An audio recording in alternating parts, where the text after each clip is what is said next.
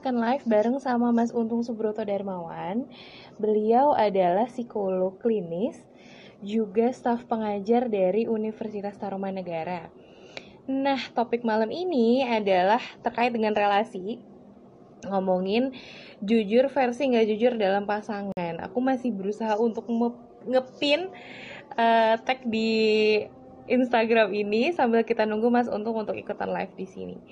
Ini udah ada siapa aja? Wah, ada rame, udah empat empat orang. Bentar ya, gimana cara ngepinnya?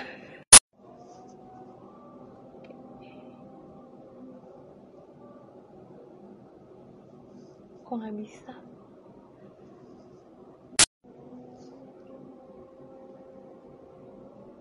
Hai, Mas Untung udah di sini nih. Kita coba dulu lagi ya.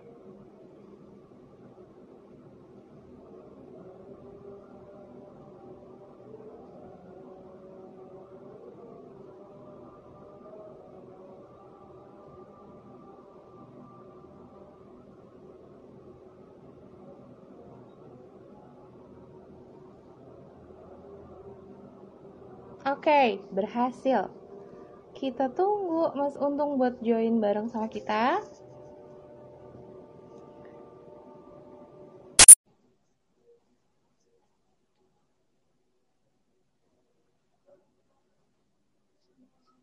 Nah, buat teman-teman yang baru gabung, malam ini ngobrol bareng Kak saya akan mengajak Mas Untung Subroto Darmawan. Beliau adalah psikolog klinis dan juga staf pengajar dari Universitas Tarumanegara.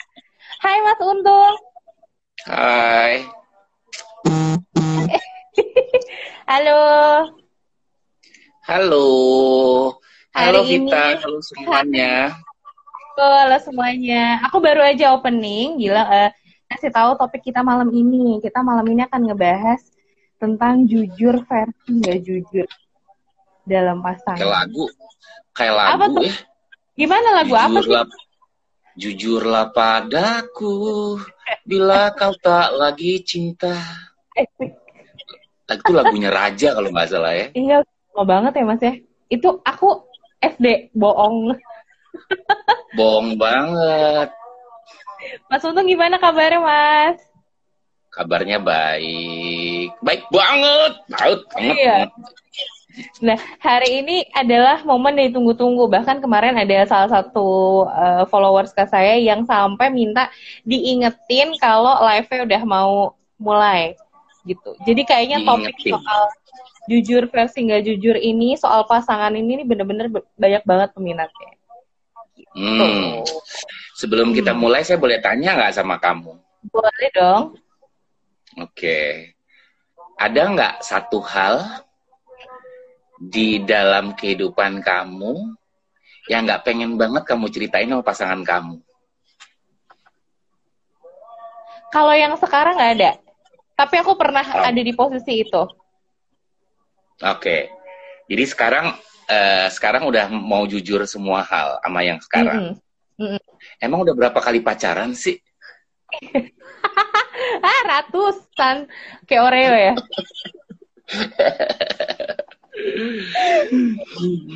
gitu. Aku pernah sih Mas ada di posisi itu, di posisi di mana kayaknya susah buat jadi diri sendiri dan ceritain ya kira-kira kalau uh, apa aja sih yang pernah dilewatin atau bahkan kejadian-kejadian terkait sama hari itu yang relate sama keluarga mungkin atau sama pekerjaan atau mungkin sama waktu itu pas kuliah itu nggak mau diceritain gitu. Dasarnya sebenarnya kalau waktu itu aku ngerasa insecure aja takut gitu. Kira-kira nanti respon yang dia kasih tuh nggak sesuai sama aku gitu. Tapi seiring berjalannya waktu kalau sama yang sekarang mungkin nggak yang ini asik.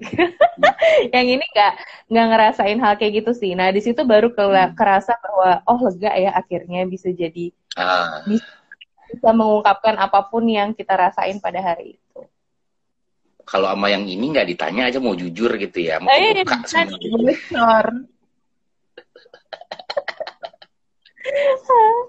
Jadi gimana mas? Jujur tuh sebenarnya artinya apa sih? Jujur ya. Uh -uh. J U J U R. Jujur ya. Mm -mm. Jujur itu adalah keputusan seseorang untuk mengungkapkan perasaan, pikiran, pengalaman, atau segala sesuatu yang ada di di yang dia rasakan dan dipikirkan. Itu itu itu yang disebut dengan jujur. Jujur juga dalam bahasa yang simpel adalah mengungkapkan apa adanya. Itu ya kata-kata jujur. Tapi kalau bicara tentang jujur berarti ada bohong juga dong ya. Kan kita bicaranya jujur versus tidak jujur. Ya udah mm -hmm. untuk pembanding, untuk pembanding kita harus tahu definisi bohong gitu ya. Mm -hmm.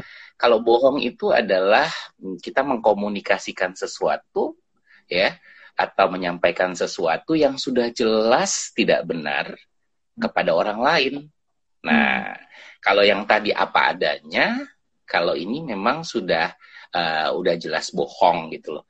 Dan biasanya kalau bohong itu ada niatnya gitu. Nggak ada orang bohong itu hilaf ya. Aku hilaf hmm. bohong sama kamu itu enggak. Hmm. Jadi dia memang dia sudah berniat untuk menyampaikan perasaan, kemudian uh, cerita, kemudian pikiran kepada orang lain, sementara apa yang disampaikan itu adalah tidak benar. Itu namanya bohong.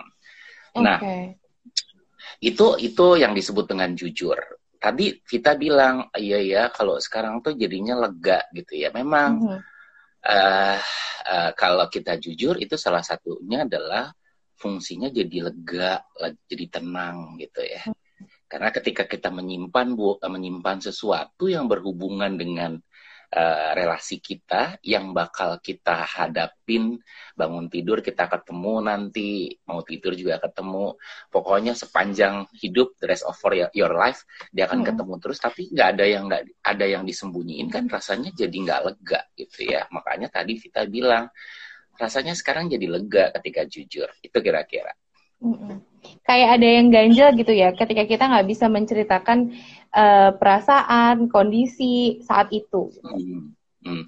Jadi uh, karena kenapa sih kita harus jujur? Karena uh, kalau kita bicara konteksnya in relationship ya, kita lebih Betul. menyempit lah ke, ke pacaran deh ya. Ini kita hmm. konteksnya hmm. ke pacaran gitu ya.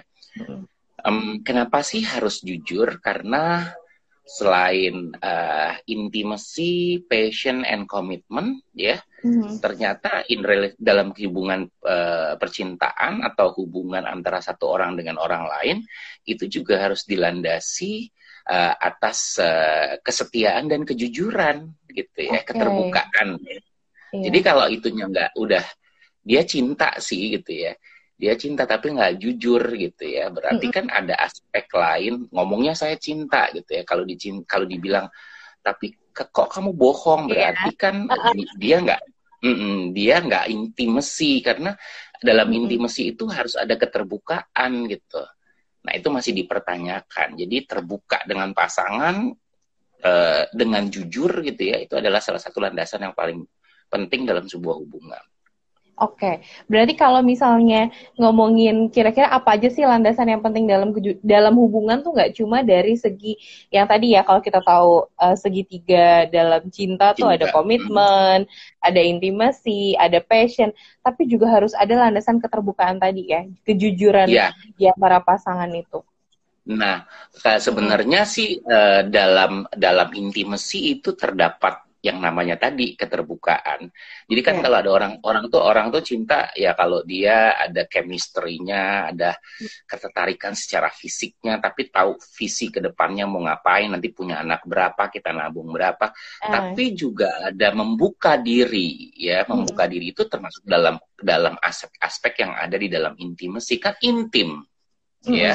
Jadi mm. keterbukaan. Kalau bicara tentang keterbukaan berarti tentang kejujuran gitu kan salah satunya seperti itu Nah, Mas kadang-kadang eh enggak kadang-kadang sih dalam sebuah hubungan kita tuh kan mm, mungkin udah pacaran lama gitu ya, tujuh tahun, 8 tahun, terus kandas gitu di tengah jalan. Kemudian wow. terus kemudian akhirnya pacaran lagi. Nah, pastinya pernah punya cerita-cerita nih di masa lalu. Itu tuh semuanya hmm. perlu di-share nggak sih sama pasangan? Oke. Okay. Perlu di-share atau enggak? Sekarang uh, kalau bicara tentang di share atau enggak tergantung ya pacar yang baru ini ya pacar yang baru ini udah berapa lama juga pacaran gitu ya. Oh oke. Okay. gitu karena gini kalau pacaran itu kan ada tahapannya ya tahapan yang pertama itu kontak kita kenalan ya kan tukeran nomor telepon gitu ya terus janjian dating di first date gitu ya tapi kemudian kita jadi akrab namanya involvement ya. Involvement itu keterlibatan. Kita tanya hobinya apa gitu ya. Uh, kemudian sering jalan bareng melakukan hobi bersama-sama. Dari involvement dia ke intimacy Nah, biasanya intimasi itulah uh, intimasi itulah sebaiknya sih ya Uh, kalau kalau mau di, mau nanya silahkan di situ karena memang tahapannya udah naik di atas kelas 3 gitu kan. Kelas 1 okay. baru kenalan, kelas 2 baru PDKT, kelas 3 hmm. udah nembak. Nah, apalagi udah mau deket lagi nih mau nikah. Jadi kalau sebenarnya pasangan mau nanya ya nggak apa-apa juga. Karena tahapannya mm -hmm. bukan di tahapan awal. Baru kenal ditanya gitu ya. Lu udah ngapain yeah. aja sama pasangan lu dulu? Itu gila yeah. kan yang nanya gitu kan? Itu itu, itu ada loh mas. Itu ada loh yang kayak gitu. Kan eh, sekarang zaman cari pacaran tuh nggak cuma ketemuan langsung dikenalin gitu ya. Tapi juga ada hubungan yang terjalin lewat dating apps ya jadi media sosial dan lain-lain juga kadang-kadang ya betul adalah kita sebutlah misalnya Tinder, ada Bumble dan lain-lain. Itu pertanyaan yang paling common, yang banyak atau yang paling banyak ditanya sama si orang yang mungkin belum masuk tahap intimacy, even involvement yeah. aja belum, tapi udah langsung belum. nanya kayak gitu.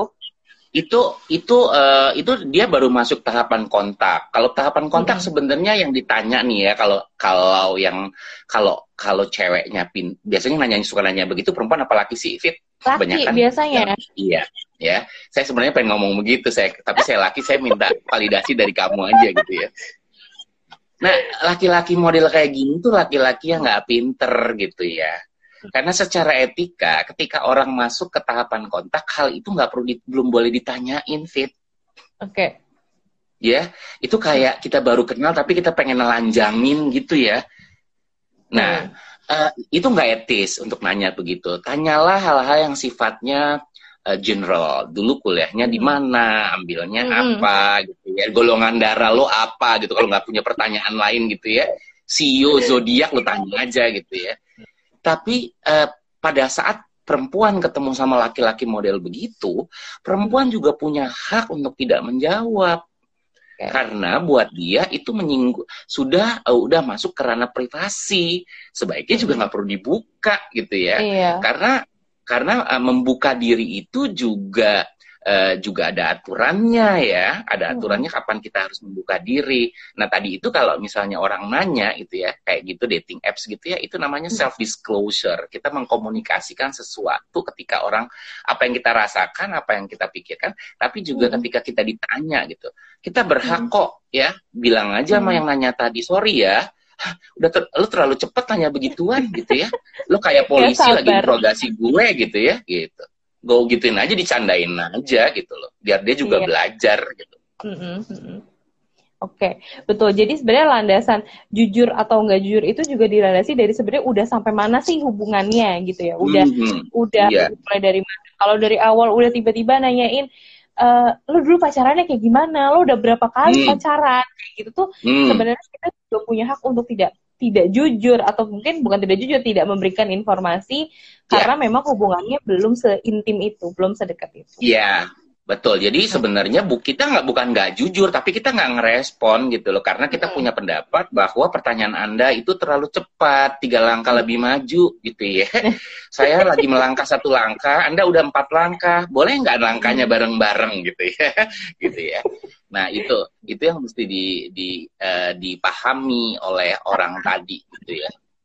Iya, Baik betul. yang nanya, terutama untuk yang nanya gitu ya, ini iya. etikanya gitu ya karena biasanya juga kalau hubungan sudah serius gitu ya, pola komunikasinya itu komunikasinya sudah mendalam fit ya. Mm-hmm. Artinya uh, ya kan kalau dia udah namanya juga intimacy ya, udah intim mm-hmm. tahapan yang mm-hmm. tahapan intimacy itu berarti si pasang si pasangan ingin mengetahui lebih banyak informasi mm-hmm. karena pada saat tahap intimasi sebenarnya dia udah mengarah ke arah serius nggak lama lagi pasti nembak okay atau mm -hmm. diajak menikah gitu ya karena di tahapan itulah terjadi mm -hmm. nembak dan uh, menikah gitu loh. Nah biasanya kalau udah masuk ke tahap itu uh, ngobrolnya udah bukan ngomongin tentang uh, apa tuh namanya uh, sate taichan yang enak di mana gitu ya, atau ngomongin uh, uh, yang yang biasa diumumin sama di, dibicarain yeah. sama teman-teman, tapi udah yeah. deep gitu ya, yeah. udah lebih dalam lagi gitu. Yeah. Tapi bersiaplah sih sebenarnya bersiaplah kalau udah udah masuk fase intimasi itu biasanya bersiaplah untuk self disclosure untuk membuka diri karena biasanya mm-hmm. pasangan akan menanyakan lebih hal lebih banyak. Mm-hmm. Nah, gimana kalau misalnya seseorang kan ada ada intimasi, ada juga passion gitu ya, Mas. Keinginan mm-hmm. untuk dekat secara fisik, keinginan untuk dekat secara seksual gitu. Tapi pada saat itu tidak mau melakukan self disclosure atau keterbukaan. Itu gimana menurut Mas untuk? hargain orang nggak mau melakukan self disclosure karena mungkin orang itu belum nyaman dan belum trust. Belum trust kasih waktu kunci. dia dong. Iya dong. Kas karena gini loh, kalau kalau kalau kita di gini ya, kalau kita di kalau kita baru kenal aja, kita ditanya hal-hal yang sensitif mm -hmm. itu kayak ditembak, gar mm -hmm. gitu kan. Mm -hmm. Nah ya, kalau misalnya kalau kita misalnya udah masuk fase involvement atau intimacy, mm -hmm. terus ditanya gitu ya, Uh, sebenarnya pada saat intimasi itu boleh juga ditanya hal-hal yang misalnya uh, dulu hubungan papa sama mama gak, gimana sih gitu? Kan itu kan bisa nggak apa-apa dijawab gitu ya. Uh, tapi kalau udah yang lebih dalam lagi gitu ya lebih pri privacy gitu ya kalau dia nggak mau jawab sebaiknya pasangan menghargai karena itu keputusan. Karena jujur nggak jujur itu adalah sebuah keputusan dan pasangan harus menghargai gitu ya uh, menghargai uh, mungkin dia belum trust belum belum siap untuk membuka diri gitu ya. Dia masih ada ketakutan gitu. Jadi hargai saja gitu loh. Karena memang membuka atau nanyain hal-hal yang kayak begitu itu kan harus ada punya momen yang tepat selain waktu ketika dia udah masuk ke fase yang lebih lebih lebih dalam gitu Oke, okay. tadi Mas Untung tanya kalau misalnya udah eh, jelasin kalau misalnya udah mulai dekat mungkin bisa tanya waktu itu uh, kira-kira hubungan orang tua kayak gimana, papa mama kamu waktu kecil kayak apa. Hmm. Contoh-contoh hmm. pertanyaan yang kayaknya udah mulai oke okay buat ditanya ketika udah masuk tahapan intimas itu apa aja sih Mas? Yang kira-kira tuh masih masih masih dalam koridornya dan tidak terlalu yang dan tidak uh, apa ya, tidak one or two step ahead kayak sebelumnya gitu uh, orang nanya itu sebenarnya punya dua fungsi ya. Jadi ada hal ha, kalau kita nanya itu sebenarnya ada hal positif misalnya gini. Pasangan bisa belajar dari dari pasangannya uh, ketika pasangannya ini dulu pacaran sama orang lain. Gitu ya. Misalnya dulu kita bisa uh, kamu bisa aja nanya dulu kamu pacaran sama yang dulu kalau berantem ngapain gitu ya. Hmm. Nah, art, artinya hal positifnya adalah yang nanya itu bisa belajar bahwa oke okay, kalau dia pacaran dia nggak sukanya begini hmm. dia lebih punya banyak menggunakan uh, solving problemnya hmm. kayak begini jadi pasangan bisa belajar gitu ya hmm. apa yang dia nggak suka apa yang jadi dia suka gitu misalnya nah itu kan pertanyaan-pertanyaan yang yang sebenarnya juga masuk ke ranah sensitif tapi juga orang masih berani untuk jawab Iya. Kemudian kalau pertanyaan yang berikutnya uh, apa tuh uh, uh, sebenarnya jumlah hmm. kamu pacaran pacaran dulu uh, berapa orang gitu ya. Hmm. Nah itu juga masih bis, bisa. Tapi ada ranah-ranah yang lain nih. Kalau nanya bapak, papa sama mama tuh dulu cerai. Kita udah tahu nih papa pisah dan mama. Yeah. Kemudian ditanya itu kan bisa dijawab juga. Tapi kalau misalnya udah meranah ke ranah pertanyaannya misalnya gini, kamu udah ngapain aja sama mantan mantan kamu? Iya. Nah itu kan pertanyaan yang sensitif ya. Nah, yang yang nanya, yang nanya itu juga sebelum nanya nih ya pesan saya, halo, kan kalau nanya kalau nanya nanya begitu tuh ada ada beberapa alternatif ya. Kita nggak boleh berburu, berburu. Kalau kita kita ditanya tentang itu, jangan kita juga jangan berburuk sangka. Berburuk sangka itu artinya gini. Um, um, apa sih nanya-nanya ini walaupun ini pertanyaan sensitif kalau hmm. kita kita mikirnya negatif maka ngapain sih lu kepengen tahu banget jadi kepengen nanti kalau gue kalau saya jawab lo nanti uh, sakit hati atau ninggalin nggak gitu hmm. juga ada orang-orang yang yang ingin uh, menanyakan hal ini misalnya karena dia mau melihat perilaku seksual yang terjadi sebelumnya hmm. beresiko apa enggak gitu ya misalnya hmm.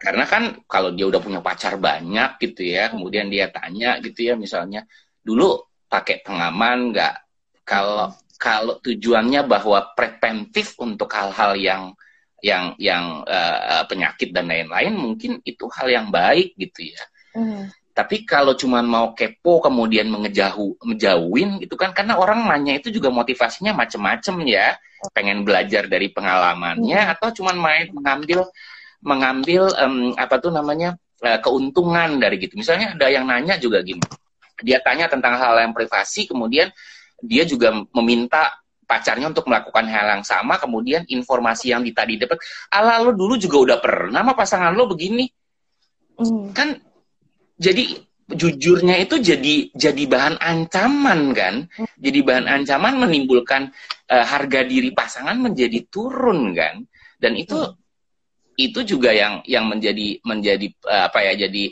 jadi concern kalau di saya, saya saya ditanya sama orang emang kalau kamu nanya motivasinya buat apa? Dan yang paling penting adalah sebelum anda nanya kan biasanya pertanyaan-pertanyaan yang kayak begitu tuh adalah pertanyaan-pertanyaan yang bertujuan untuk mendapatkan informasi seberapa lurusnya hidup lo gitu kan? Iya. Nyamain iya. nyamain apa? Nyamain, nyamain Nah, sekarang Alam. sekarang sebelum nanya ya, sebelum nanya yeah. ya, lu tanya dulu diri lo, lu udah selurus dan sebersih apa gitu ya. Gitu. Halo, Jadi dengerin kalau... tolong. jadi jadi suka anehnya gitu ya. Uh, uh, saya suka suka joke sama sama orang gitu ya. Saya suka polling uh, apa polling yang uh, polling yang eh, eksi, uh, yang yang tiba-tiba gitu ya. Buat uh kamu virgin itu penting nggak gitu kan?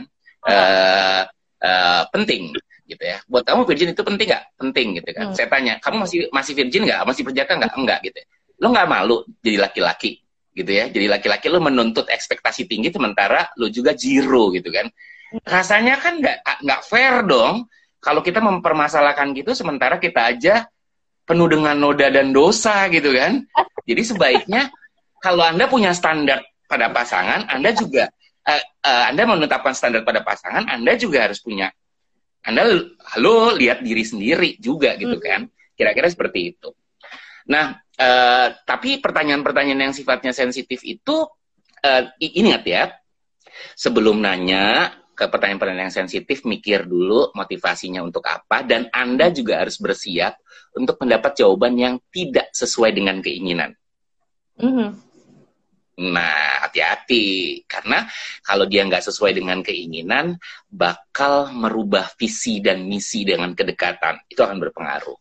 Kemudian kalau misalnya uh, apa tuh namanya um, kita yang ditanya gitu ya, kita yang ditanya kita lihat-lihat dulu dong yang ditanya juga harus melihat kira-kira uh, uh, dengan pasangan itu kita lihat apa bagaimana kepribadiannya dia, bagaimana masa lalunya dia gitu ya, bagaimana keseriusan dia, bagaimana apa tuh penerimaan dia. Kita juga mesti mesti lihat dan paling penting adalah jujur nggak jujur itu hak prerogatif ya. Kita boleh punya okay. hak untuk tidak mengatakan karena dari dari banyak uh, apa itu namanya artikel dan juga buku juga mengatakan nggak ada jawaban yang fix kita harus jujur ketika mm -hmm. pertanyaan itu yang bersifat sensitif mm -hmm. gitu ya tergantung pada pasangan Betul, berarti itu kan masuknya ke hak prerogatif nih. Tapi gimana kalau ketika kita udah mulai, oke okay, tadi udah PDKT, pacaran, nah sekarang gimana kalau di pernikahan nih mas? Kan udah akhirnya memutuskan hubungan bersama, ini kalian jawab pertanyaan yang ada di ini ya, kolom komen ya. Gimana kalau kita tuh pengen jujur, jadi pasangannya pengen jujur, tapi selalu dapat respon yang nggak enak, terus jadinya malah berantem. Jadi lebih baik dipendem aja, nggak us jadi nggak jujur, jadinya nggak jujur supaya nggak berantem. Gimana tuh mas? Gimana gimana pertanyaannya gimana lebih baik lebih baik nggak jujur tapi nggak berantem uh, uh, iya. daripada Atau, jujur berantem. Betul. Iya sih, dilema memang dalam bukan cuma dalam perkawinan sih Fit, dalam pacaran uh -huh. juga dua konsekuensinya. Uh -huh. Jujur ya, kalau jujur -huh. bisa eh, dan itu nggak sesuai dengan ekspektasi sama pasangan, jujur uh -huh. kita ditinggalin. Uh -huh. Tapi kalau nggak jujur, kita merasa berdosa. Nanti di depannya terjadi pada saat nikah terjadi. Karena banyak loh kasus-kasus orang-orang jadi kecewa gitu ya ketika ketika ketika dia sudah menikah ternyata ada hal-hal yang sesuai tidak sesuai dengan ekspektasinya pertanyaannya hmm. ke mana aja dan ngapain aja waktu pacaran gitu ya Hmm. kan sebenarnya hal-hal yang kayak gitu sudah dibicara dibicarakan. Sebenarnya kalau misalnya mau bicara jujur, uh, kalau kalau misalnya jadi gini, uh, jujur itu wah selalu punya konsekuensi. Kalau kita jujur punya mm-hmm. konsekuensi. Di antaranya mm-hmm. berantem, ya ditinggalin gitu ya. Mm-hmm. Kalau Anda punya prinsip bahwa Anda harus jujur walaupun itu nyakitin, go ahead, silakan saja mm-hmm. lakukan gitu ya. Mm-hmm. Karena dalam sebuah hubungan harus ada openness, keterbukaan itu penting. Ingat ya, dalam intimacy selalu ada openness. Ketika selalu ada dusta, ada bohong, maka akan ada bohong-bohong yang lain Kemudian ketika uh, pasangan kita juga nggak jujur, tapi kita jujur, maka pasangan juga bisa belajar dari kita bahwa iya ya, dia sudah jujur dan terbuka. Saya juga harus melakukan hal yang sama, gitu. Kan berantem itu juga nggak apa-apa, Fit, gitu ya. Kalau kita iya. jujur kemudian berantem itu juga nggak apa-apa. Kalau teman-teman di sini pada nyimak atau pada ngikutin IG live ya Mas Untung tuh udah dibahas eh minggu lalu ya Mas ya soal yeah, berantem uh, sehat ya. Iya. Yeah jadi nah, yang pasti itu gini. Mm. Yang pasti itu jujur itu punya fungsi ya tadi misalnya uh, perasaan jadi hati jadi tenang, mm. kemudian juga kita memiliki integritas gitu ya. Kemudian kita juga bisa dipercaya, menumbuhkan kepercayaan sama pasangan. Kemudian kita juga bertanggung jawab terhadap per, per, uh, perbuatan yang kita lakukan, gitu ya, melatih komunikasi, gitu tuh. Jujur itu banyak hal yang yang hal yang positif juga, walaupun ya eh, kadang-kadang kejujuran itu menyakitkan salah satu pihak. Mm-mm. Pasti either yang mendengarkan ya, yang punya ekspektasi jawabannya apa dari dia tuh jadi sakit hati, atau yang jujur yang malah jadinya lah udah terbuka tapi respon yang diberikan nggak nggak sesuai nih kayak yang tadi pertanyaan sebelumnya ya, ketika malah jujur malah jadinya berantem gitu kan? Iya, yang paling sedih itu kan kadang-kadang suka jujur tapi langsung kemudian ditinggalin gitu ya. Iya uh, itu yang paling nggak enak gitu ya paling paling menyakitkan buat orang-orang yang jujur percuma gitu ya saya jujur -huh. tapi makanya ketika ketika hmm. kita menerima informasi tentang kejujuran orang lain ya yang paling hmm. uh, paling penting adalah berpikirlah positif terhadap kejujuran gitu ya kejujuran dia misalnya bisa aja loh kenapa dia melakukan itu? Karena misalnya pacarnya maksa gitu ya. Hmm. misalnya dia dibawa tekanan gitu ya. Kemudian hmm, uh, setiap orang memang punya kehidupan masa lalu gitu ya. Dia hidup pada masa sekarang sama anda bukan bukan bukan zaman dulu gitu ya. Itu juga masih harus pertimbangkan ya Kemudian jangan langsung tiba-tiba ketika dia jujur kita ngambil kesimpulan ceritanya mm. didengerin dulu gitu ya. Jadi digali dulu kira-kira dari cerita itu dari versi itu tuh sebenarnya ada apa, baru kemudian bisa di bisa disampaikan atau bisa mencapai konklusi itu bersama-sama. Gitu kali nggak sih mas? Betul gitu. Nah, pokoknya kalau kan, mau kalau mau nanya tentang kejujur eh, mau nanya pacar yang jujur bersiap-siaplah eh, ya yang jujur juga punya konsekuensi ya. Konsekuensinya hmm. tadi positif negatif makin erat gitu ya. Tapi bisa ditinggalin. Tapi ya yang yang nanya juga punya konsekuensi. Punya konsekuensinya adalah Anda tahu informasinya, tapi juga Anda makin ragu sama dia, gitu ya. Berantem, bisa berantem deh tuh di kepala. Aduh, gimana nih udah keburu nanya lagi. Harusnya mendingan gak ditanya aja. Yang jujur juga jadi jadi bingung. Aduh, gimana nih? Gitu. Jadi dua-duanya juga sebenarnya punya konsekuensi ya, Mas. Betul. Nah, sebelum sampai ke akhirnya sampai ke tahapan intimasi itu dan akhirnya saling terbuka, itu kan um, tadi misalnya di awal nih bisa kenal dari media sosial, bisa kenal dari platform-platform dating apps gitu, bisa kenal dari mana aja. Nah, kalau di awal dia udah nanya hal-hal yang tidak sesuai gitu kan, Mas. Itu tuh sebenarnya kita bisa tahu stopnya sampai mana sih gitu. Di mana sih kita harus kayak oh yaudah deh nggak usah aja. Karena terkait sama pertanyaannya Selena Tulipia Gimana cara mengenali tanda-tanda lebih awal dalam memutuskan hubungan supaya nggak terlalu terikat? Dalam hal apa nih? Jujur atau dalam perilaku pasangan nih? As apa kalau ya? kita bicara tentang kalau kita bicara tentang jujurnya, baru misalnya tahapan tahapan kontak, keponya aujubillah tuh pasangan, pengen tahu banget dikorek-korek gitu ya. Bias kita udah bilang bahwa aduh aku nggak nyaman deh. Gini loh, kalau ada orang-orang yang eh, meminta kita untuk self disclosure, sebenarnya kita bisa menggunakan uh, berbagai macam cara. Yang pertama, kalau dalam pendekatan dia udah nanya-nanya hal-hal yang sifatnya pribadi untuk kita membuka diri kepada dia, sebenarnya kita bisa mengalihkan. Ya. Kalau misalnya kita mengalihkan juga dia udah deh gitu ya ngobrol ngomong yang lain gitu ya Nah, dia masih juga gitu ya. Kalau dia masih juga sebenarnya kita bisa menggunakan yang namanya kita asertif, kita bilang, "Sorry, aku nggak nyaman kamu nanya begitu."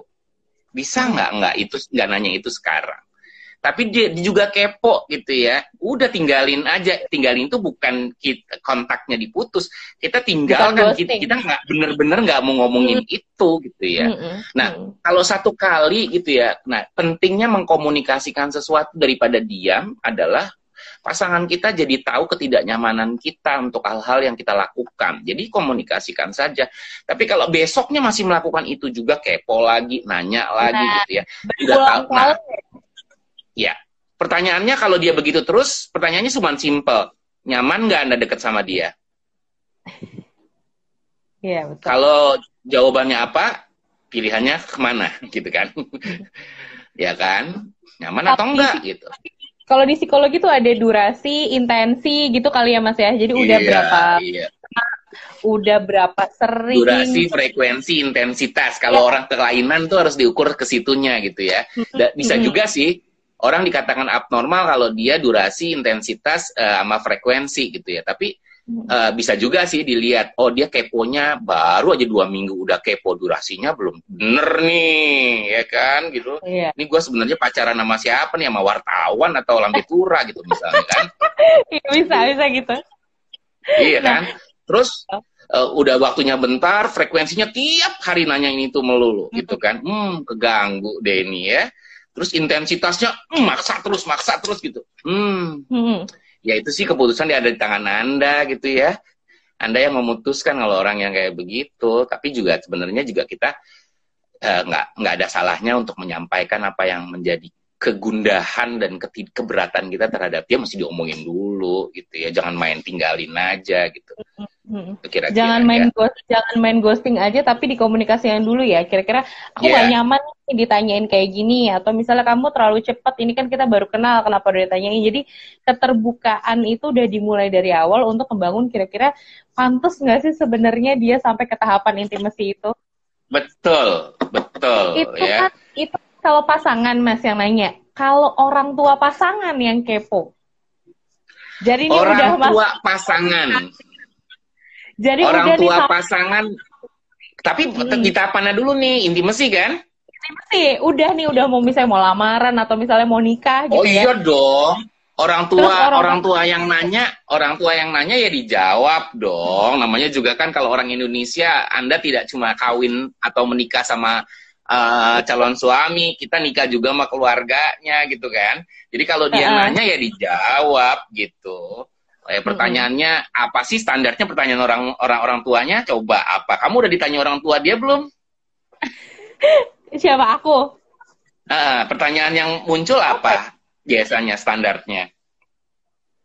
Pertanyaannya masih pertanyaan-pertanyaan mendasar sih, kayak misalnya kuliahnya di mana, kerjanya oh, apa, oh, iya. terus iya kan. Hmm. Tapi kalau misalnya ditanya sama si pasangan si orang tuanya nih, nih dari siapa sih tadi yang tanya, eh uh, Tukamina, Tukaimina. Nah, dia uh, bilang bahwa gimana kalau orang tuanya yang nanya udah berapa kali pacaran? Gimana, Mas? Oh, ya nggak perlu jujur lah, nggak perlu detail. Kan ya kita udah kasih tahu. Gini ya, gini. Uh, bisa diplesetin gini ya. Kan kita udah terbuka tuh ya kalau pertanyaan begitu kan udah di pasti udah di udah di udah di iya. tahapan-tahapan involvement akhir masuk intimasi sebenarnya pertanyaan itu udah ditanya sama pacar dong ya gitu ya. Nanti kalau calon mertua nanya gitu ya uh, udah berapa kali pacaran? Tante sebelum sama anak tante ya sih aku pernah pacaran. Tapi menurutku ini adalah pelabuhan terakhirku tante. Beres kan jawabannya? Tunggu bentar mas, teman-teman yang lagi nonton boleh disiapin pulpen sama kertas. Coba diulang lagi, diulang lagi kata per kata. Jadi, jadi kalau misalnya tantenya nanya gitu ya, hmm. kan karena tadi inget ya, uh, artinya kita boleh ngom bicara ini kalau kita sudah sangat terbuka dan udah masuk tahap intimasi sama pasangan. Kalau hmm. calon mertua nanya, eh Fit, kamu udah berapa kali pacaran sebelum pacaran sama anak tante gitu ya? Jawabnya hmm. gini aja. Ada sih tante sebelum sama anak tante, tapi dari hati kecil dan pilihan yang bulat, anak tante adalah pelabuhan terakhir dalam kehidupan dan cinta saya. Gitu aja jawabnya. Aku latihan dulu ya. Tante. tante sebelum sama anak tante, aku udah beberapa kali eh aku pernah sih punya pasangan sebelumnya. Pernah ya, pernah jangan beberapa ya. Pernah. Ulangin, ulangin. Tante, sebelum anak sama anak tante, aku pernah menjalani hubungan. Tapi saat ini apa aku ingin melabuhkan hatiku hatiku, hatiku uh. kepada anak tante. Iya, sekarang dan selamanya. Sekarang namanya udah. Mau makan apa? Pesan apa kita hari Nah, artinya apa? Uh, uh, kalau di kalau pertanyaan itu saya aku mau tanya sama kamu, sama tanya ya sama Vita. Jujur nggak jujur itu? Jujur nggak jujur itu?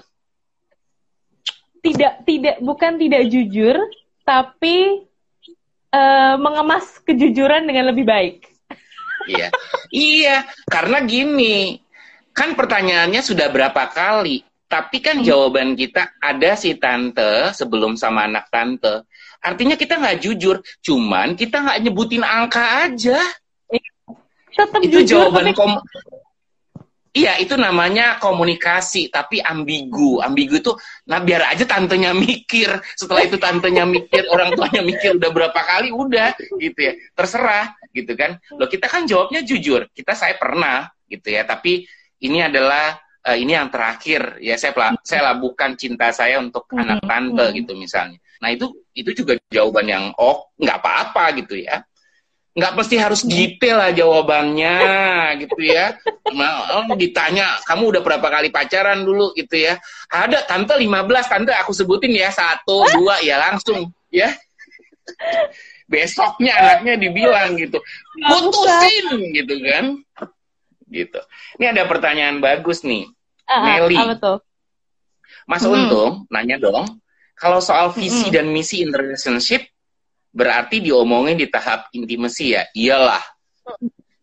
Di tahap intimasi uh, sebaiknya. Karena di tahap intimasi itu dia mulai membicarakan uh, apa tuh namanya intim ya namanya juga intim intimasi gitu ya. Tahapan yang pertama ingat ya kontak kemudian involvement keterlibatan kemudian intimasi. Nah ya di bawah intimasi itu ada pengerusakan sampai terakhir adalah bubar gitu ya.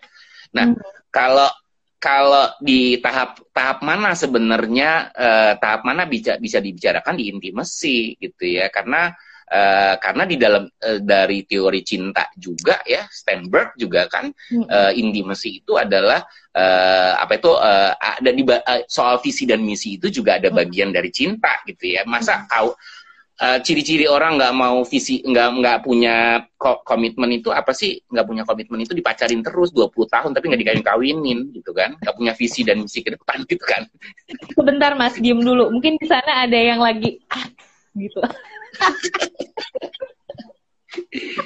Iya dong.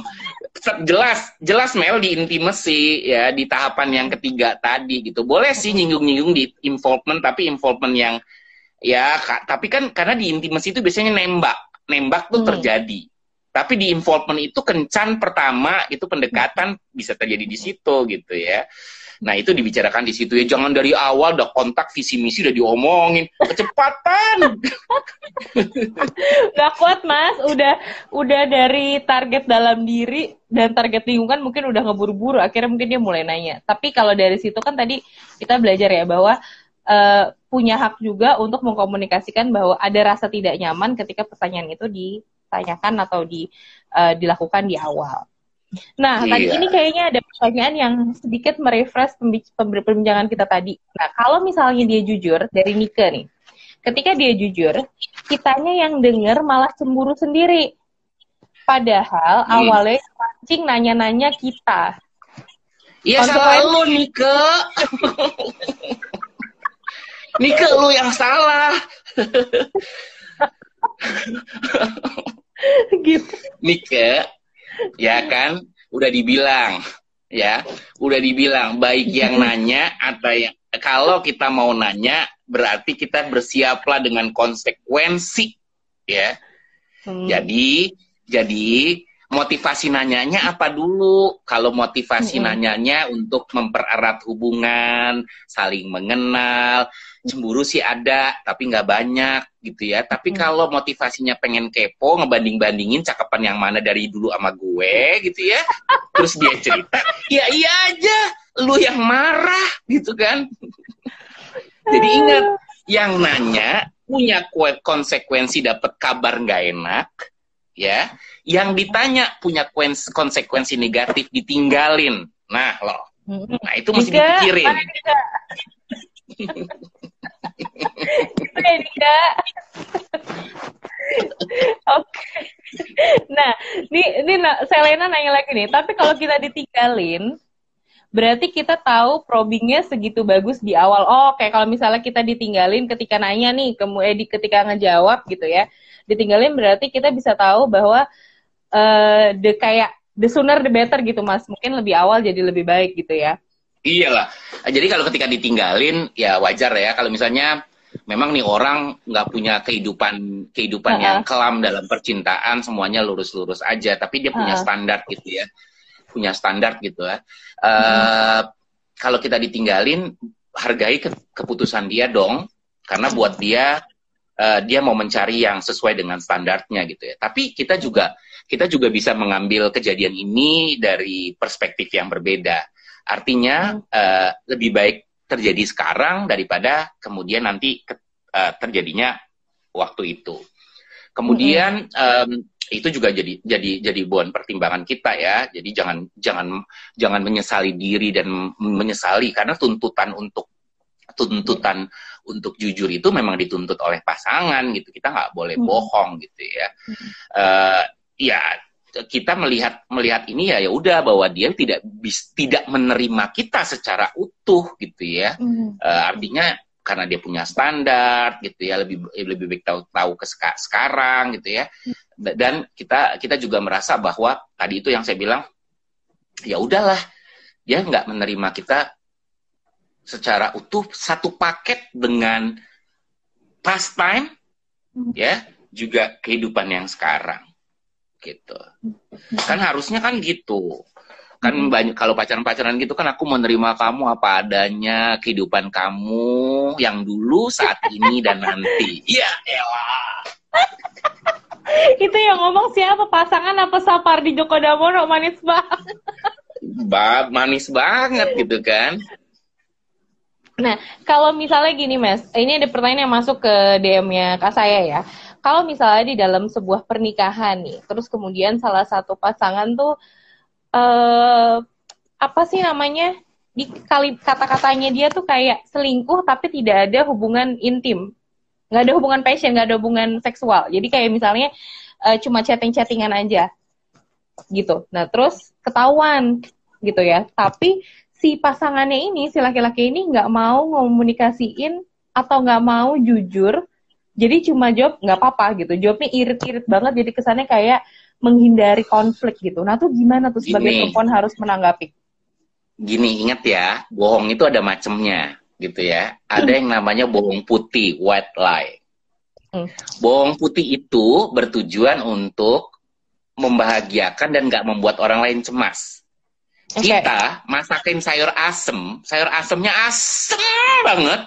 Kayak udah nggak dimakan tiga minggu ya Basi. karena keaseman terus kemudian uh, uh, uh, Vita nanya sama suami Vita nanti dan nikah Dek saya rasa aku enak nggak gitu ya dia kan jawabnya apa ya nggak mungkin lah jawab jujur Iya kan? Karena dengan dengan jujur nakitin kamu, Fit. Jadi Loh. jadi biarin ya. jadi nah jadi nggak apa-apa bilang aja enak tapi kalau misalnya ngeganjel nih ya kan gini loh white lie itu bohong putih itu bertujuan hmm. untuk membuat orang lain tidak cemas, hmm. tidak menderita dan membahagiakan orang lain. Itu sering hmm. sekali ya dilakukan oleh pasangan-pasangan gitu kan. Hmm. Uh, sama um, apa tuh namanya uh, ibu juga suka begitu ya kan? Kalau makan gitu ya makanannya terbatas gitu makanannya dimakan sama anaknya semua. Terus anaknya nanya mama lapar nggak? Enggak mama udah kenyang mama udah kenyang. Karena buat orang lain inget emak nggak mas? Iya kan? Nah kan kan itu karena untuk apa? Biasanya kan untuk menghindari kecemasan tidak mau mengecewakan itu white lie nggak apa-apa juga gitu loh. Dan sus tapi masalahnya nih suka ada perempuan-perempuan atau pasangan-pasangan yang kalau udah dijawab begitu uh, man, gimana masakan aku? Uh, enak kok gitu kan. Ah enggak nggak percaya kamu bohong pasti gitu kan kan serba salah. Lu gue suruh jawab jujur. Gue jujur lo nggak mau lo nggak percaya gitu. So gue mesti gimana gitu kan. Jadi pasangan juga harus pasangan juga harus menghargai gitu. Kalau misalnya tadi enggak aku cuma chattingan aja sama teman kantor gitu. Trust lah gitu kan. Tapi ya udah tahu dia bilang begitu ditanya lagi. Tapi kok itu jawabnya jawabnya lama gitu kan? Jawabnya panjang banget. Kok itu sambil senyum-senyum gitu kan? Ya elah gitu kan. Itu tuh hal-hal yang kayak gitu itu bisa menyebabkan kemarahan gitu ya. Karena nanti lama-lama uh, eh, self fulfilling prophecy jadi ketakutan kita terjadi beneran loh hmm. gitu ya karena isu trustnya tadi gitu loh. Jadi, jadi keterbukaan itu penting. Mm-mm. Iya, jadi dalam komunikasi interpersonal juga ada tahapannya juga ya. Kalau mau uh, komunikasinya dalam pasangan itu terjalin dengan baik adalah openness, terbuka gitu, ya. Betul betul. Uh, nah, tunggu tunggu. Nih, kalau lagi. misalnya Evelyn, Evelyn, kalau soal kejujuran dalam keluarga gimana? Misalkan kita ngomong jujur ke salah satu anggota keluarga, malah dia yang marah. Oh, jadi salah satu anggota keluarganya, bukan pasangannya yang marah tuh gimana, Mas? Loh, kalau kita uh, sama lah dalam komunikasi, dalam komunikasi dalam keluarga kan komunikasinya tergantung sama siapa nih, kakak sama adik, kakak sama hmm. kakak sama siapa gitu ya. Tetap juga ya. Hmm. Openness itu penting, keterbukaan itu penting. Uh, karena hmm. apa? keterbukaan itu melatih kita untuk ya untuk berkomunikasi, kemudian rilis stres. Kan daripada hmm. dipendem-pendem kan mendingan disampaikan gitu ya. Kemudian juga menghindari uh, menghindari yang namanya konflik dan kemudian hmm. menjadi hubungan lebih baik. Hmm. Kalau kita terbuka kan hubungannya lebih baik. Daripada kita diam-diam tapi kita, kita pergi, coba deh rasain ya, rasain kalau kita hmm. terbuka dibandingin kita memendam itu semua sendiri gitu. Nah itu penting sih ya sama siapa pun juga interpersonal interpersonal communication dilandasi yang pertama adalah openness. Jadi marah tuh kan reaksi ya, reaksi dari informasi hmm. yang diberikan gitu. Jadi ya yeah. memang itu bagian dari konsekuensi juga ketika kita mau terbuka atau misalnya kita mau mengungkapkan sesuatu kepada keluarga atau kepada pasangan. Jadi itu memang itu memang harus diprediksi akan terjadi gitu. Nah besar yeah, bagaimana itu harus diprediksi. Yeah. Ya besar kecil reaksinya itulah yang kemudian nantinya diri kita sendiri yang harus adjust pada saat situasinya terjadi gitu. Tiba-tiba. Iya makanya maka Gimana? makanya kalau kita mau menanyakan sesuatu informasi tentang pasangan lihat-lihat waktu lah lagi nah. anniversary dua tahun gitu habis makan ditanya gitu kan eh kalau dulu kamu ngapain aja sama pasangan kalau anniversary ya nggak tepat lah iya Ya, momennya Jadi, ya, find the moment. Mm, momennya, waktunya, pasangan nggak lagi sensi, mm -hmm. ya semuanya dalam kondisi rileks mm -hmm. gitu ya.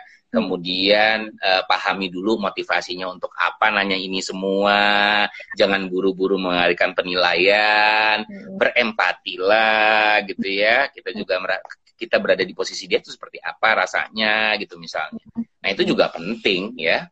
Kemudian kalau yang ngejawab jangan buat kalau pasangannya udah tahu pasangannya sensitif detail banget jawabnya. Jangan detail-detail pasangan Anda kan sensitif gitu kan. Diceritain 730 730 terjadi ini. Ya itu nah gitu ya. gitu. Jadi masih tahu juga pasangannya karakteristiknya seperti apa gitu. Pasti harus kalau bisa masuk ke dalam fase intimasi, harusnya pasangan sudah cukup mengenal karakteristik uh, kepribadian pasangan masing-masing. Makanya hmm. kalau pacaran, makanya manfaatinlah fase-fase itu sehingga kita hmm. cukup bisa mengenal pasangan bahkan kita berani bilang yes aku mau pacaran ketika kita sudah melewati hmm. fase-fase yang tadi involvement dengan baik gitu. Oke. Okay. gitu kira-kira. Mas ini kan Mas ini kan lagi tren, enggak eh, lagi tren sih kemarin baru selesai uh, season 1 atau emang cuma ada satu season ya, episode 16 World of Merit. Mas Untung nonton nggak?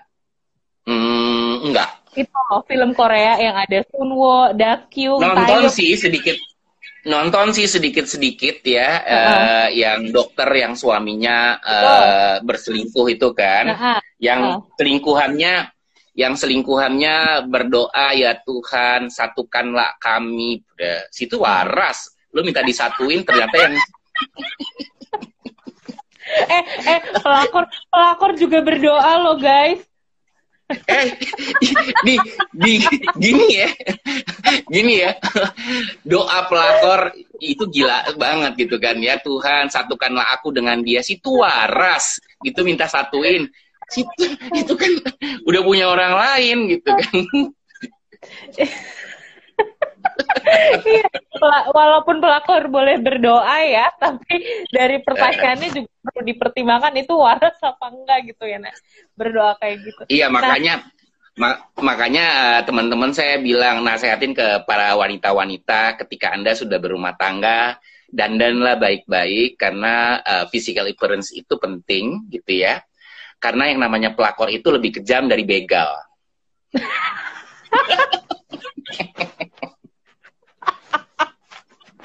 aduh, aduh.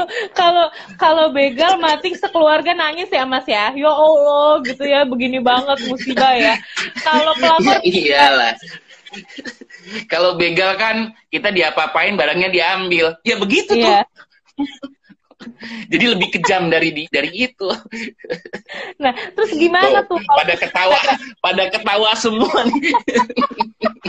pada oh, eh yang ketawa yang ketawa yang nggak jadi pelakor ya terus tiba-tiba ada yang pelakor ya ikutan Gus bahasan kita nggak pelakor ya jangan ya nggak next, sih next.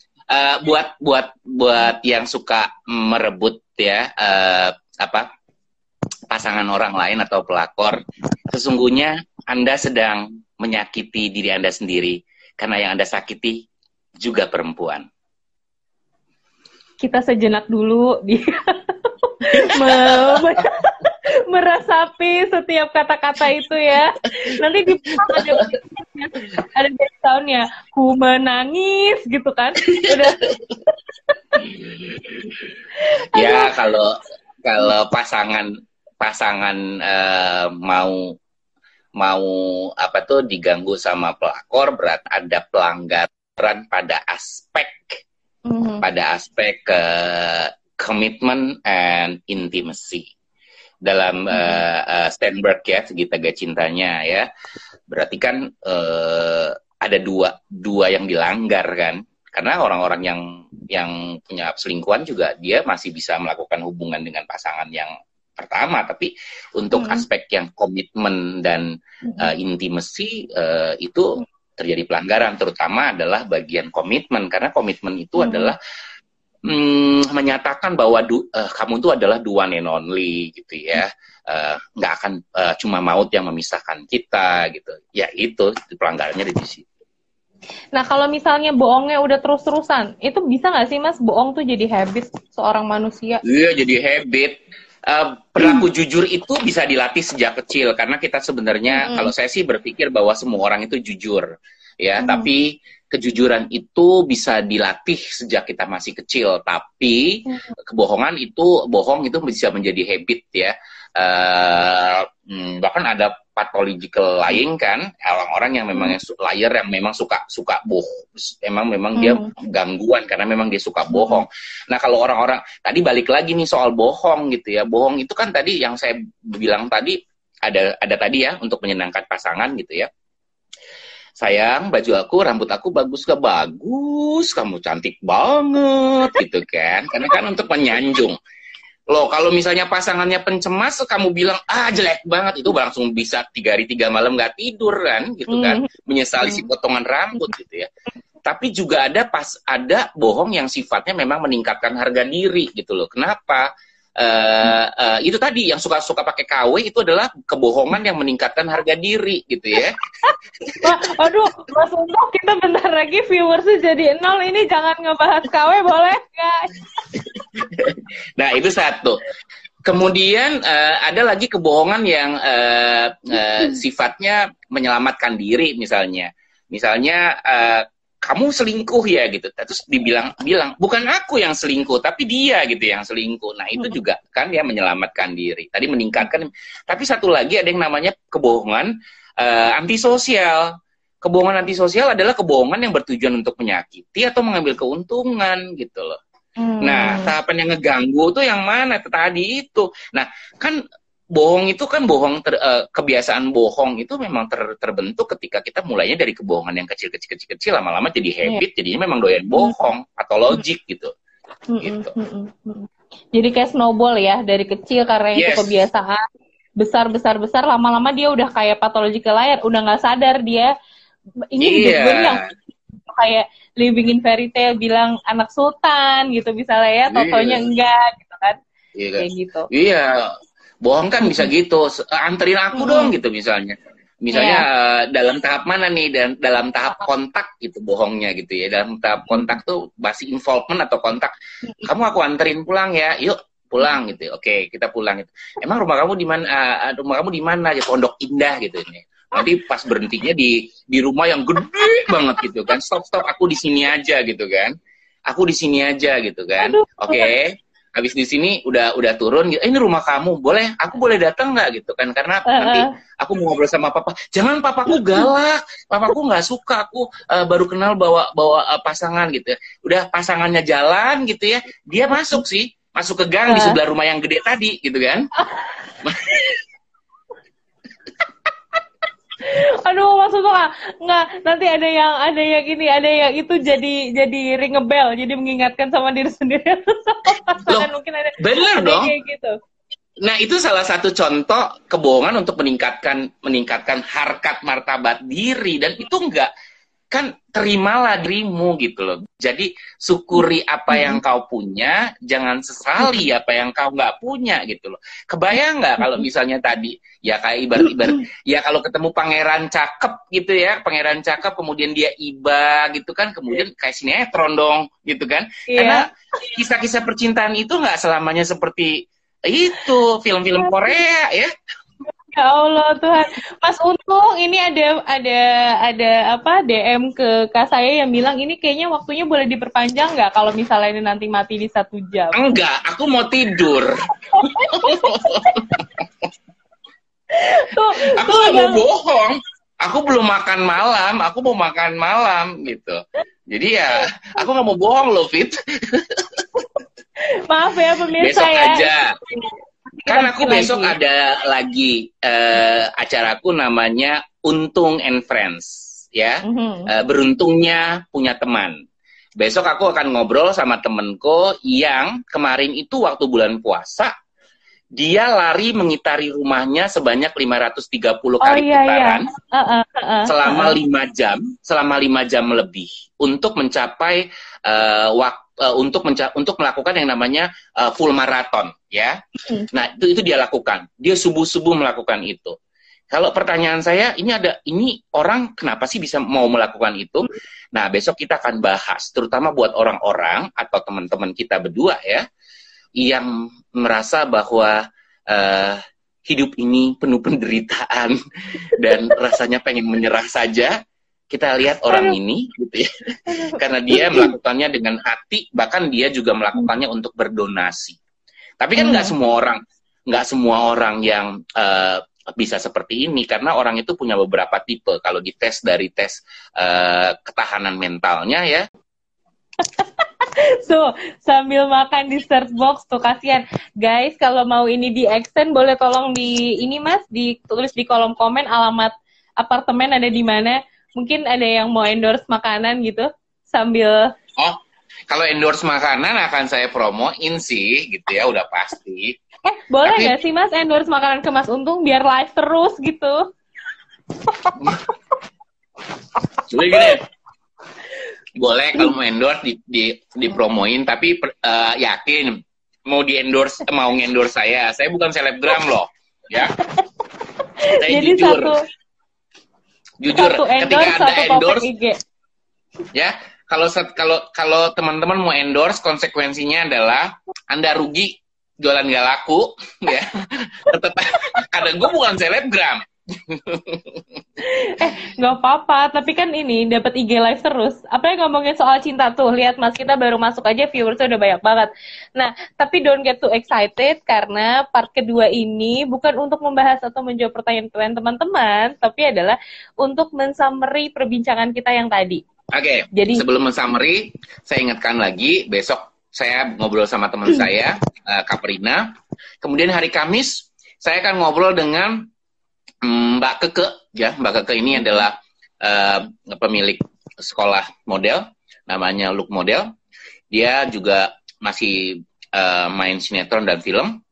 Saya akan ngomong tentang inner dan outer beauty. Kemudian hmm. nanti ya hari hari Minggu saya ngomong sama teman saya juga di Untung and Friends sama teman saya yang dia bipolar dan dia sudah berdamai dengan bipolarnya. Jadi minggu ini sih sebenarnya masih ada besok, masih ada mm -hmm. Kamis, masih ada Jumat untung ada jawabnya yang silakan mm -hmm. tulis aja pertanyaannya dan hari Minggu. Ya kan? Inilah mm -hmm. ya kehidupan saya di karantina. kehidupan saya di karantina dan saya sudah mulai merasa nyaman di karantina. Jadi kayaknya saya gimana? Udah, gimana kok? Saya nggak tahu nih. Saya nggak tahu nih kenyamanan saya di room di di di di, di, di apartemen ini mm -hmm. merupakan mm -hmm. new normal atau tidak normal.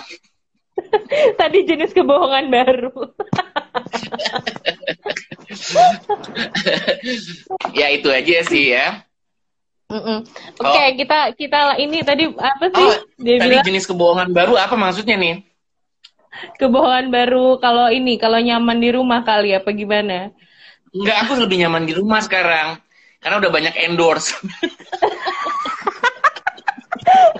Saya ada yang komen ya, ada yang komen katanya mau makan kak. Buat kamu sayang, ini makan sambil live kita mau closing sama mau ngasih hmm. summary buat hari ini. Oke, okay.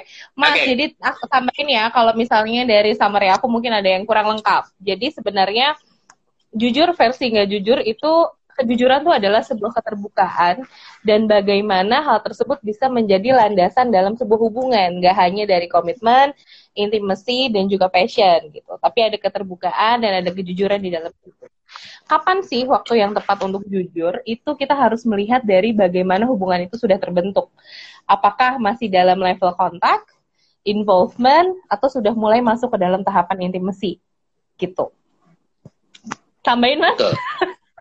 Betul. Tambahinnya adalah buat Anda yang menginginkan sekali pasangan Anda uh, jujur dan buat Anda juga yang mau menjawab dan mencoba untuk jujur ketika ditanya, uh, Anda harus bersiap-siap terhadap konsekuensi yang Anda terima. Hmm. Cobalah hmm, untuk memikirkan dulu motivasinya, ya, hmm. motivasi uh, orang yang Anda tanya dan ketika Anda bertanya, uh, ada jangan lupa juga bahwa setiap orang punya chapter terdahulu dalam kehidupannya. Yang jadi masalah bukan masa lalunya, tapi lihatlah chapter ke depannya dalam kehidupan yang berikutnya, yaitu perkawinan. Asik, eh. Satu lagi kita ulang tadi, gimana kalau misalnya ibu Gak jadi, kalau... gak bisa. Aku kalau udah diulang lupa.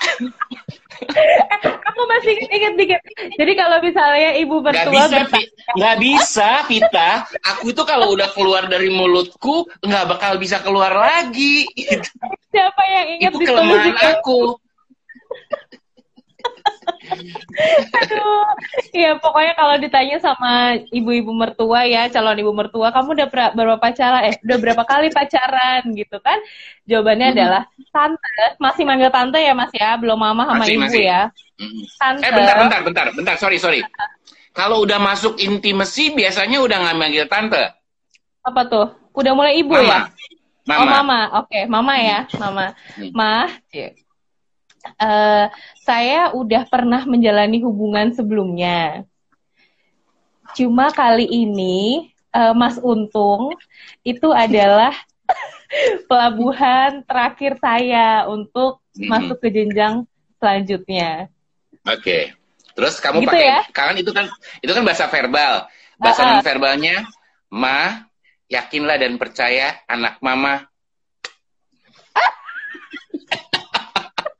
matilah kita aduh si mama si mama jantungan jantungan ini ya jantungan bahagia ya ya Allah Tuhan ya ya pertanyaan-pertanyaan gitu nggak perlu dianggap serius membuai dengan humor gitu ya jujur dan humor nggak apa-apa gitu ya kita okay. tanggapinya dengan Oke, terima kasih banyak Mas Untung udah ngobrol bareng Kak saya hari ini. Karena banyak sekali uh, demand-nya nanti kita ngobrol-ngobrol lagi ya Mas ya. Ngebahas-ngebahas apa? Pelakor boleh? Enggak deh, enggak. Nyerah ya. Kamu jangan ngomong jangan memancing-memancing haters ya, haters haters ke aku nanti banyak orang yang nggak suka sama aku. gitu. Ya, Mas Untung kalau misalnya ada teman-teman yang mau konseling sama Mas Untung mungkin bisa langsung atau bisa lewat uh, kak saya untuk dihubungin nanti bisa konseling ya. secara online. Bisa kan Mas?